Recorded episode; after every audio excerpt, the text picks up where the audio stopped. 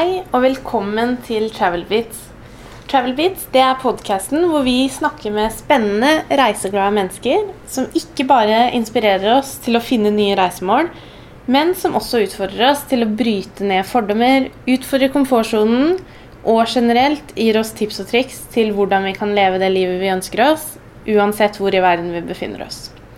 Og utover våren så snakker vi med utrolig mange inspirerende mennesker, og vi håper du subscriber til kanalen, så du alltid får med deg de nyeste episodene. Og I den aller første episoden vår så er vi så heldige å ha med oss jentene som ble valgt ut av søsterselskapet vårt Kiwano Travel, til å dra på en tre måneders reise gjennom alle destinasjonene i Afrika og Asia. Inspirasjonsutvikleren vår Silje snakker med dem om opplevelsene de fikk på turen, om forventningene de hadde før de dro, og om noen av utfordringene de møtte underveis. Og I tillegg så gir jentene deg dine, sine beste reisetips eh, etter at de nå er tilbake i Norge. Og Teamet her i Travelbeats har blitt utrolig inspirert av å følge de jentene her. Og vi håper at du òg kanskje kan få noen tips til hva du kan gjøre i friåret ditt, eller kanskje til hvor du skal legge den neste ferieturen. Så Silje, Kristine og Lucretia, take it away. I denne episoden har vi vært så heldige å fått med oss to jenter som dro ut på livets eventyr gjennom Asia og Afrika i høst. Velkommen, Kristine og Lucretia. Kanskje dere kan starte med å fortelle litt om dere sjøl? Ja. ja, det kan vi. jeg heter Lucretia, og jeg kommer fra Litauen, men bor i Norge. Og som sagt så har jeg vært ute og reist i de tre siste månedene gjennom Asia og Afrika. Og jeg er Kristine. Jeg er bestevenninna til Lucretia. Jeg er 19 år, og jeg bare kommer fra ei lita bygd i Rogaland. Så dere reiste til tolv land på tre måneder. Hvordan var det egentlig å, å, reise til de stedene? Kan dere fortelle litt om hvorfor dere ønska å være med på det eventyret her? Vi ønska jo i hovedsak å være med fordi vi hadde friår. og Vi var ikke så klare for å studere med en gang, så ville vi gjøre noe annerledes. Og så tenkte vi kanskje å jobbe eller å reise. Og dette ble jo da den perfekte kombinasjonen av det. Ja, og vi ville jo bare ha et på en måte spennende friår. Og det her var jo noe som ikke alle får oppleve akkurat. Absolutt. altså, Hva forventa dere før dere dro fra Norge? Og hvordan så dere for dere at Asia og Afrika var før dere dro dit? Jeg tenkte at selve reisen skulle bli veldig hektisk, siden vi hadde ei uke i hvert land og tolv land vi måtte komme oss gjennom på tre måneder. Og i forhold til landet så skrev jeg en liste før vi reiste. Kanskje det jeg tenkte mest på, var at Afrika at jeg på en måte, vet, visste ingenting om hvert av landene. Jeg visste mer at det var et kontinent. Og jeg hadde lyst til å finne ut mer om hvert enkelt av landene og hvordan de skilte seg fra hverandre. Ja, jeg hadde rett og slett ingen forventninger. jeg, bare, på en måte, jeg ville bare reise, og så visste jeg at det skulle ta tre måneder og det skulle vare litt lengre. Så det var, jeg var litt sånn bekymra for å ikke være med familien og være vekke så lenge. Men jeg hadde på en måte så lite forventninger til selve reisen eller turen eller landet. Ja. Vi visste bare det skulle bli vilt. ja. Men dere visste ikke noe om hva dere skulle gjøre, eller hvem dere skulle møte før dere dro? Gjorde dere det? Eller hadde dere en viss anelse? Nei, vi visste ingenting, fordi alt skulle være hemmelig for oss. Vi visste hva reiseruta var, men mm. utenom det så visste vi ikke hvem vi skulle møte. Vi hadde sett bilde av ambassadørene våre, men vi fikk ikke lov til å vite hva vi skulle gjøre. eller noe sånt. Syns dere det var skummelt å ikke vite hva dere skulle gjøre? Eller hva som møtte dere når dere kom dit? Jeg syns det bare var spennende å ikke vite noe. At liksom, det var en helt annerledes opplevelse enn at liksom, vi ante ingenting. Så bare måtte vi hive oss ut i det i tre måneder. Ja, enig. Og jeg tror vi lærte veldig mye av det. Å ikke vite og bare slippe oss helt fri. Bare hoppe ut i det? Ja. har, altså, hvordan har den turen her endra synet deres på, altså, på dere sjøl, på verden, og spesielt Asia og Afrika? Det er så masse. Jeg føler med meg sjøl så har jeg blitt mye mer spontan. Og òg til vanlig kanskje så bruker jeg dagen med å være masse hjemme, men nå griper jeg mer dagen og lever i øyeblikket. Og jeg vet at det blir liksom ikke Resten av livet mitt så kommer jeg ikke til å tenke på de gangene jeg lå hjemme på mobilen. Jeg kommer til å tenke på de gangene jeg var ute og gjorde noe mm. kjekt. Og det har jeg lært masse av. Jeg føler så masse det er liksom umulig å beskrive hva en har lært, men jeg har på en måte blitt mye mer positiv og se at det, det positive er på en måte det negative, eller bare mm. ikke liksom, tenke på det negative i livet og bare ja, hive deg sjøl mer ut i ting, og ikke ta ting så seriøst. Ja, for et eksempel da, er når vi var på sykehuset i India fordi vi hadde fått matforgiftning. Stemmer det. Og da kunne vi jo sett på det som en negativ ting. Og for, Først så kom bare Lucrezia inn på sykehuset, og jeg kom ikke inn med en gang. Men så kom jeg inn etterpå, og så ligger begge to og griner i hver sin seng. Og så ser vi bort, og så ligger den andre rett ved siden av uten at vi vet det. Og så begynner vi å le samtidig som vi griner, og så blir det egentlig bare løye ut av det. Og vi har ikke sett på det som en negativ ting etter opplevelsen. Nei, det er liksom, det er liksom ikke så kjekt akkurat der og da i øyeblikket, men liksom, det er bare et kjekt minne å ha. altså etterpå så er det jo bare å le av det. Ja, Ja. Det er bare til å le av det. Du kan liksom ikke være så seriøs med det. Så det. det er sånn der, all det negative går på en måte over, og du har bare kjekke minner igjen etterpå. Så Ja. det er vel det vi har lært. Men hvordan har det endra synet deres på, på Asia og Afrika? Selv om dere ikke altså, kjente til det så mye før dere reiste, så må dere ha hatt noe For det er jo mye om det i nyhetene, og litt sånt nå, da har dere jo mest sannsynlig opparbeida en mening Ja. eller tanker rundt hvordan det kommer til å være der. Hvordan har det synet endra seg etter at dere var besøkte de stedene? Jeg har på en måte, som sagt før, jeg reiser liksom hørt masse på en måte negative sånne Ja, medieting og sånn, men eh, jeg har på en måte jeg har alltid visst inni meg sjøl at på en måte jeg kan ikke si noe om det før jeg har liksom opplevd det sjøl og sett noe til det. Og når vi reiste, så er det rett og slett bare positive opplevelser og liksom menneskene vi har møtt og plassene vi har vært. Alt har vært liksom så overveldende og så kjekt og så fantastisk. Ja, det er liksom Jeg har ingenting annet å si enn bare positivt. Og jeg føler sånn der for andre som har et litt negativ innstilling på det, og liksom som bare tror på det de ser på mediet, at for dem er det kanskje litt vanskelig å tro at liksom Nei, de to bare sier det. Ja, det er kjekt siden de må si det, men det er liksom Det er ikke sånn. Det er ikke sånn. Vi har hatt det så kjekt, og det er så kjekt å være der, og det er så fantastisk å være der. liksom Men jeg tror det er viktig at dere altså, snakker om hvor fint det var der, for det er mange som har altså, det feil inntrykket av altså, Spesielt Afrika, da. Og da altså, visse deler i Asia, sånn som f.eks. Thailand, så er det mye annet som står i fokus enn reiselivet. Så jeg tror det er viktig at dere forteller om de fine opplevelsene deres, Mm. istedenfor å kanskje fokusere på hva som gikk her, sånn som sykehusoppholdet, f.eks. Ja. Ja. Selv om det også ble en fin opplevelse. Ja, for det har bare vært bra. Og når jeg skulle reise, folk, liksom vennene mine var sånn der nå har du kanskje reist til India for eksempel, fordi de har hørt at det liksom bare er negative ting som skjer der. Men etter å ha reist der sjøl, har vi lagt ut bilder og videoer på nettet. Og da får jeg kommentarer fra de vennene som er sånn Wow, jeg visste ikke at det var så bra der. Jeg visste ikke at det var Nei, de har jo sånn ikke sånn.» vært der sjøl og opplevd det. Nei, de har ikke ikke prøvd det ut. Og når jeg, så spør de meg da, men opplevde du ikke det negative og det negative? Så jeg sånn, nei, for min del når jeg var der, så har vi jo, spesielt det med at vi har vår ambassadør i landet, de gjør oss veldig trygge og passer på oss hele tida. Så for oss var det bare positive opplevelser. Hvordan var det å møte de lokale ambassadørene Jeg tror du bare sett bilder av dem? Det, oh, det, det føles ut som du blir tatt imot som en familiemedlem. Som liksom, Det føles ut som du møter en person som du ikke har sett på sånne 30 år. Som er sånn Onkel, liksom, her er du! Her har jeg deg! Og det, liksom, det var aldri på en måte kleine øyeblikker. Eller Det er liksom fantastiske mennesker der Ja. ute. Ja, og når vi så i Kivano-brosjyren før vi reiste, så så vi bilder av alle ambassadørene. Og da bare så vi bilder av dem, og kanskje om en sånn der Oi, den personen har på seg hette, ser litt skummel ut, eller den personen Ja, men bare, du får bare et inntrykk av ansiktet deres, da. Og så, etter vi har kommet hjem så ser vi gjennom brosjyren igjen, og da vil vi nesten grine, for da bare savner vi Ja. alle vi ser, og så er vi sånn Wow, han er så koselig, hun er så kjekk. Så det er bare, det er bare god stemning, holdt jeg på å si. Nesten som å se sånn der årsbok fra skolen. Ja. Som er sånn, åh, alle Men det er jo så hyggelig å se tilbake på. Ja, For dere har jo opplevd utrolig mye de siste, de siste tre månedene. ja. Men hva er det viktigste lokalambassadørene har lært dere? kanskje om lokalsamfunnet. Det er noe helt annet å reise med en lokalambassadør enn å bare reise med et stort eh, Ja, jeg vet ikke hvordan jeg skal forklare det, men når du har ambassadøren, kan han vise deg de lokale opplevelsene. Og de viser, seg familie, de viser familien sin, og de viser vennene sine. Så du føler jo at du er en del av gjengen deres, på en måte. Mm. er der. Kan dere gi oss deres fem favorittaktiviteter dere gjorde på tre måneder? Det kan være litt vanskelig, siden dere bare får fem. Dere kan få lov til å få fem hver, Oi, Oi. faktisk. Og hvorfor er det her favorittaktivitetene deres?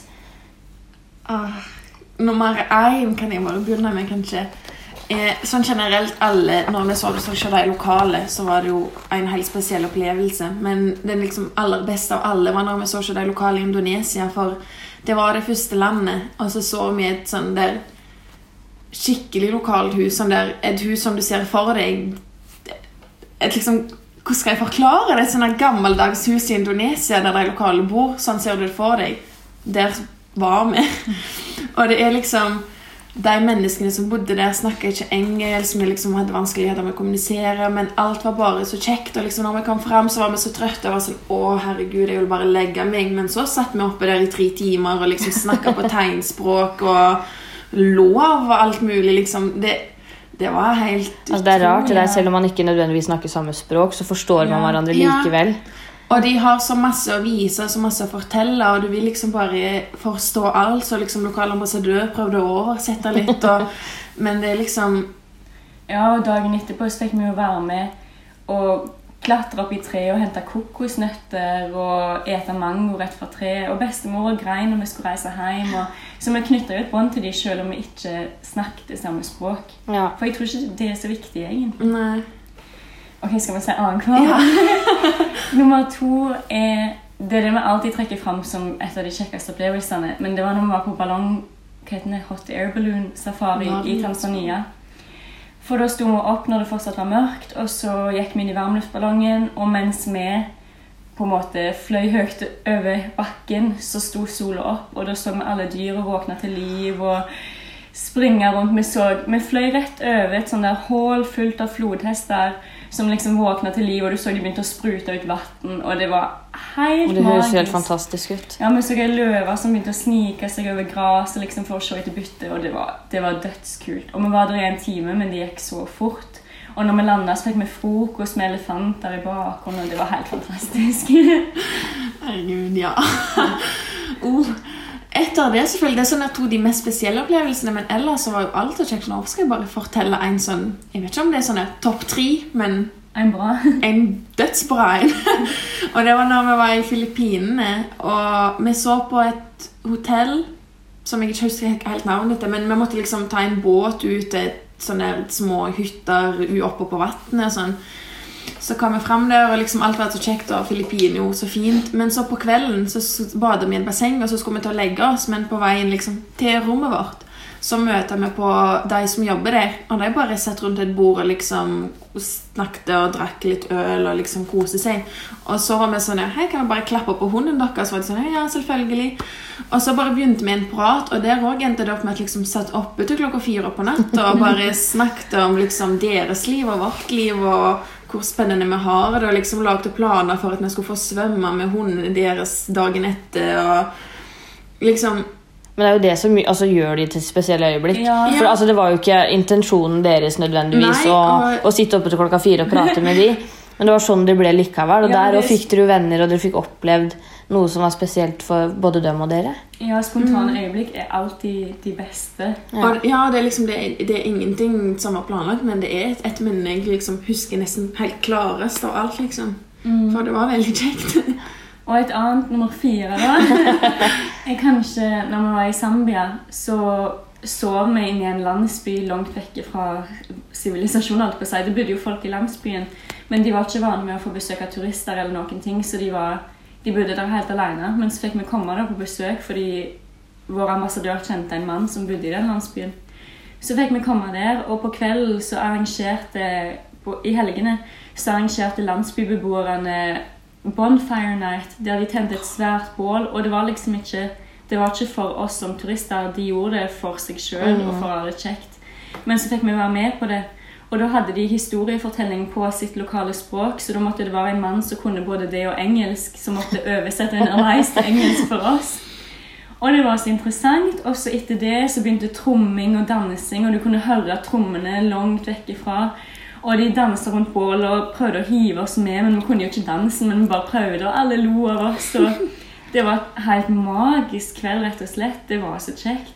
Og òg liksom det å hører historien på deres språk, og alle er sånn der Wow! Og så hører vi det sånn to minutter etterpå, og så er vi sånn Wow! og da skjønner vi hvorfor alle så wow, eller hvorfor alle lo. Og det var, det var så kjekt. Og vi ble så gode venn med deg òg. Ja. Selv om det er språkbarriere. Men liksom, Du danser i lag, du ler i lag, du synger i lag, og så blir det Så god stemning. språk er som regel det minste problemet Ja. uansett når man er ute og reiser. Ja, du må igjen, du må bare være åpen Ja. for alt. Og nummer fem Har dere én til? En til. Uh, jo, en sånn der, en kjekk opplevelse, da. Uh, når vi var på, i Kenya på camping Det var sånn der, en av de første dagene der. Og så var det uh, en mann som da eide plassen, som var med oss begge dagene. eller hvor lenge vi var der, og så Alltid så begynte han å liksom synge på en sang mens vi gikk en tur, som var sånn der Jambo, Jambo, Buana. Nå har vi lært oss hele sangen, men det er sånn der velkomstsangen. Han sa at du, når du kommer til Kenya, hvis ingen synger den sangen til deg, så liksom, så har du ikke vært i Kenya nesten. Liksom, du må få høre den sangen. Men han bare sang den liksom mens han gikk litt på veien. Og så var vi sånn vi har lyst til å høre den sangen når vi er for en er liksom så glad humør, og jeg føler hele dagen kommer til å bli fantastisk. Så på morgenen etterpå så hadde de arrangert, og de hentet liksom en høyttaler, lagde frokost, og så kom vi liksom og bare satte oss ned. Og så kom nesten liksom alle som jobbet på campen, og begynte å danse rundt bordet, så ble vi med, og liksom bare sang sangen og klappa. Og til og med kokkene og alt. Ja, alle kom for å liksom bare synge og kose seg, og alle hadde det så kjekt. Og etter det så var hele dagen var fantastisk. For det blir jo bare i så godt humør. Har dere lyst til å synge litt av sangen? Bare en liten del? Vi er veldig dårlige på å synge. Ja, men det er jeg òg. Ja, det- Jeg tror jeg kan synge Ave Maria. Det går ikke. Det er faktisk et sjette minne jeg kom på nå, som er i India. Så skulle vi synge karaoke. Alle, når du reiser, alle vil at du skal synge Ja. Alle vil at du liksom, skal synge ting, karaoke. uansett hvor du er. Så sa de vi skulle synge en norsk sang, da. Valgte vi 'Bestevenner' av Celine på Melodi Grand Prix Junior. Oh, ja. Så begynte vi å synge sånn der 'Vi er verdens beste venner'. Og det er det mest grusomme jeg har hørt i mitt liv. Og det var sånn der, hmm. Så jeg tror de fikk veldig dårlig inntrykk av norsk musikk. Ja, nei. Og den har vi på video, men vi har aldri sett den igjen, fordi Nei. vi tør ikke. nei. Det er kanskje greit å la den ligge i skuffen. Ja, Egentlig. det tror jeg også. Men igjen, da lærte vi at vi kan ikke karaoke, så Nei. vi slutta med det når folk spurte oss mye. Ja. Da skal dere få lov til å slippe her òg. Men dere ble jo gitt en challenge før dere reiste fra Norge. Ja. Kan dere fortelle litt om hva slags challenge det var? Plastic Challenge, som gikk ut på at vi skulle samle alt plastikken vi brukte på reisen, og det skulle få plass i en norgesglass, men vi hadde ikke norgesglasset med oss, så da bare hadde vi et plastikkpose. Og så, og så begynte vi på challengen når vi kom til Afrika, for i Asia det var liksom ikke noe vi klarte å konsentrere oss på, siden det var så masse vi måtte Ja. tenke på. Men når vi kom til Afrika, så gikk vi fullt ut for det. Fullt inn i det. og ja, det gikk veldig fint. Vi har med oss fremdeles plastbåsen som et minne. Dere har det, ja? Ja, Med alt søppelet. Eh, så vi klarte det jo ganske fint. Eller det er jo et par ting som vi bare lot ligge der. Som Ja. eksempel at i Botswana så er det et liksom så stort land, men det er så lite befolkning. at de har ikke så mange restauranter. Og når du skal spise, eller når vi spiser, tror- så dro vi til sånn der butcheren og bare spiste litt derifra. Da fikk vi det pakka inn i sånn der plastikkboks. Men Ja. liksom det er ikke ikke noe det vi kunne ha gjort med, det, så kunne vi ikke ta det med oss heller når det er så stort. Nei, og- det går jo ikke. Men eh, vi filmer alt på film, så Ja. dere kan følge med på det. Så ser dere.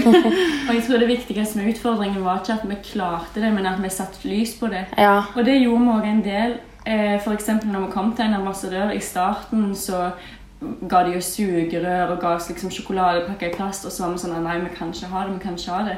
Så da slutta de, og da fant de alternative løsninger. Og den ene ambassadøren han kom til oss med en sånn der plastikkpose til oss, og så var han sånn der Denne her fant jeg i min sekk, og jeg vet at dere tar vare på all plastikken dere bruker, så jeg skal ta vare på min helt til jeg kommer hjem. Og det er jo ikke helt det som er poenget, men så var han sånn der, ja, ja, kjør på. Og så var han sånn, ok, men når jeg kommer hjem, hva skal jeg gjøre med den da? Kan jeg hive den når jeg kommer hjem? Og så var han sånn, ja, du kan hive den når du kommer hjem. Men i alle fall, han tenkte på det, og han tenkte liksom han skulle ta med seg all plastikken han og brukte videre på turen. Og selv om kanskje ikke alltid de skjønner konseptet alle, så skjønner folk at vi vil bruke mindre plastikk, og de prøver det de òg. Og det er så kjekt å se at vi med en så liten handling kan påvirke hva andre òg gjør. Absolutt. Altså, det blir jo en, altså en kjedereaksjon. Ja, Altså er det Ja. en som gjør noe, så følger folk ofte gjerne med. ja, og Men- det, ja. Syns dere det var vanskelig? Av og til, men eh, det gikk overraskende bra. Ja, det vanskeligste var når du får sånn der For maten på en måte Vi spiser jo bare sånn der frokost, lunsj og middag. Ja. Men så hvis du har litt dårlig frokost, så er det sånn Jeg har så lyst på snacks, men alt snacks du finner, er jo bare plastikk. Ja. Uansett om du går på sånn der marked, så er du sånn der eh, plastikk der òg, liksom. Det er overalt. Men vi fant jo løsninger. Ja. vi- Kan jeg si en historie? Som er at når vi var i Hvor var det vi var? I, når vi var i Zambia, så var vi veldig på denne plastikk-challengen. Og så måtte vi ha takeaway-maten første dagen på en litt fin restaurant. Og så kom de med sånn der plastikkbeholder og spurte om vi ville ha maten oppi det. Og så sa vi nei, det kan vi ikke ha. Har dere en papir? Og så hadde de bare en papirpose. Og så var de sånn ok, du kan få maten oppi denne. Så har vi sånn, ja vel, så har vi bestilt kylling med masse saus. Og da kommer de jo til å renne igjennom den papirposen. Så mens de lagde maten, satt vi der i frykt og var sånn Hvordan skal vi spise dette her? Hvorfor har vi liksom sagt ja til dette? Og så ser vi han som på restauranten springe over til en annen restaurant. Og så kommer han tilbake, så har han funnet fra den andre restauranten en papirbeholder. Og så er han sånn der, vil dere heller ha denne, dette er det beste jeg har. Så er vi sånn der, ja, den er super. Og så kommer han tilbake igjen og er sånn men sausen da, kan jeg liksom helle den oppi her? Sånn og sånn, ja, ja, bare prøv. Og så kommer han tilbake igjen og er sånn, vil dere ha bestikk? Og så er vi sånn, nei, nei, ingen plastikkbestikk. Og så er han sånn, vil dere ha ketchup? Og så er vi sånn, nei, nei, ingen ketchup. Så de tenker jo på det og sier sånn, oi, det er plastikk, det er plastikk, det er plastikk. Og prøver å finne løsninger. Og jeg føler det er sånn der En kan ta det på en måte som irriterende. som sånn, åh, Hvorfor liksom stresser de med dette? Hvorfor må jeg springe til en annen restaurant? Men det kan òg bli til at, sånn der, at han tenkte over det, så kanskje seinere igjen sånn der Hei, kanskje vi burde få oss liksom papirbokser på vår restaurant for å liksom gjøre det sånn lettere for alle og bedre for miljøet. Ja, absolutt. Og han lo jo bare, han òg. Ja, han var veldig interessert. Jeg følte det var sånn at jeg tar den utfordringen. Ja. Jeg skal klare dette. Den, den tok en på strak arm. Ja, absolutt. Men kommer de til å fortsette å bruke altså, mindre plast her hjemme? Det prøver vi absolutt på, men ja, det glemmes jo vekk av og til. Ja, Det er lov. Men Ja. vi prøver å huske alt dette med snett, og vi sier nei til sugerør. Og vi har jo fått oss sånne der kopper vi tar med oss hvis vi vil ha kaffe på et utested, liksom. Eller ja. Altså Bare de små tinga der gjør jo en stor forskjell. Ja. Og jeg- jeg føler det viktigste er å sette lys på det og ha Ja. det i bakhodet og kanskje si det til venner hvis de alltid tar sugerør. at hvorfor trenger du det? Og, ja og sånne liksom, småting. om bare alle slutter å bruke liksom sugerør, eller sier nei til sugerør, så blir verden allerede så mye liksom renere og bedre plass. Ja. Og det er bare et så liten ting en person trenger å gjøre. Ja. Men dere reiser også med mye kamerautstyr, for det kommer jo en videoserie etter hvert. Ja. Gjør det ikke det? På hjemmesiden. Har dere fått sett noe av det enda, eller? Vi har filma så masse. Og vi har liksom prøvd å filme alt mulig for at opplevelsen skal bli så bra. Men det er veldig problematisk med å redigere de sammen. Ja. For vi må liksom presse alt inn så masse. Så vi har hatt noen forslag, men vi prøver liksom, Eller de som redigerer det, prøver å gjøre det best mulig, så det tar jo litt tid. ja, og jeg skjønner det er veldig vanskelig for deg å få Ja. alt. Med, og kanskje se med videoen, og noen har tenkt at det var bra, men så er vi sånn der, oh, men det og det og det og det og burde kommet inn. Så prøver vi på det. Men det er liksom Hver gang vi tar opp kamera, så filmer vi sånne tre minutter, for vi har så masse vi vil vise og Ja. og det er sånne 100 sånne videoer fra en dag. Men liksom de må presse inn ei uke i ti minutter, så det er jo Vi skjønner det er vanskelig, men Ja. vi gleder oss veldig til å se sluttresultatet. Og vi Ja. håper det er noe folk kan se og bli skikkelig inspirert av. Det tror jeg. Reise. Men altså, hvordan tror dere det blir å se dere sjøl i en videoserie Jeg gleder meg bare. på nett? jeg, Som alle kan se? jeg tenker ikke så masse over det. Jeg bare gleder meg til å liksom se det sjøl og Ja. oppleve alt igjen. Sånn der, og hvis andre ser det og blir inspirert av det, så er det jo bare kjekt. For det er jo, altså, det er jo minnebank for dere òg. Ja, alle bare, de videoene. Det er bare det jeg tenker på. Det er så kjekt at alt, vi har liksom alltid på video. Ja, for vi er allerede så vant med at alle ser oss på Instagram, så jeg tror ikke det er noe forskjellig å se oss på video. Så jeg bare gleder meg sjøl til å Og det er jo ikke sånn at det er sånn der tre millioner ser denne videoen. Nei. Det er jo bare sånn at de som vil reise, og da tror jeg det er Ja, men jeg håper det er mange. Ja, Og så tror jeg kanskje de skal tekste det på engelsk, så hvis det er engelsktalende òg. Men det blir jo veldig bra. Ja. Men for å summere opp her, vi nærmer oss slutten Altså, Vi ønsker å gi reisende et ærlig blikk av hvordan destinasjonen er, både på godt og vondt. Er det noe som har vært vanskelig altså med noen av destinasjonene mens dere har vært ute? Noe som dere kanskje ikke var klar over før dere kom ned, som ble et problem, eller? Eh, jeg prøver å tenke, men jeg tror jeg tror sånn Den eneste gangen jeg grein, var sånn etter vi hadde vært på sykehuset fordi vi hadde heimlengsel Fordi selvsagt sånn oh, foreldrene kunne ha passet så bra på meg nå. Men utenom det så grein vi nesten ikke, og vi var ikke lei oss. eller noe sånt. Nei, det var alt var så kjekt. Men det eneste problemet som vi hadde, men som andre ikke kommer til å ha, er sånn der at vi måtte filme alt. Ja. Og at liksom, å ta opp kamera hele tida, og så mister vi minnekortet, og så funker ikke harddisken, og så har vi ikke plass på minnekortet, så dør batteriet. Og det var så frustrerende med det. Men det er jo ikke noe andre kom til å stresse med. Nei. Og hadde, jeg føler, hadde vi ikke hatt det, så tror jeg ikke det liksom Ja, og jeg prøver å komme på noe, men jeg, jeg kommer ikke på Det noe. er jo sånn der Kjøreturer liksom er jo ikke alltid sånn superkjekk, men vi har kost oss, liksom. Ja. For det var et sånn kjøretur som ble fra fem timer til 15 timer, eller hva det var. Men liksom, vi koste oss og fikk litt sånn pommes frites til å spise. Og der var òg sånn løye med plastikk-challengen, siden vi ikke kunne ha den beholderen, så måtte vi finne noen andre. Så det er jo bare sånn der Alt var bare kjekt, egentlig. Ja. Og vi tar det mer som en utfordring enn som en negativ ja, ja, absolutt. Ja, Bare positive det høres så teit ut. Har dere noen siste innspill for de som hører på den podkasten her, som lurer på om de bør dra på en slik tur? Dra absolutt. Ja. Det er liksom ikke så mye mer å si. Det er bare dra, liksom. Det er ingenting å tenke på. Og vår opplevelse er jo helt unik for oss, og det som kommer fram i videoene og bildene, kommer Det er jo ikke alt. Det er jo mye mer som ligger rundt det, som publikum ikke får se.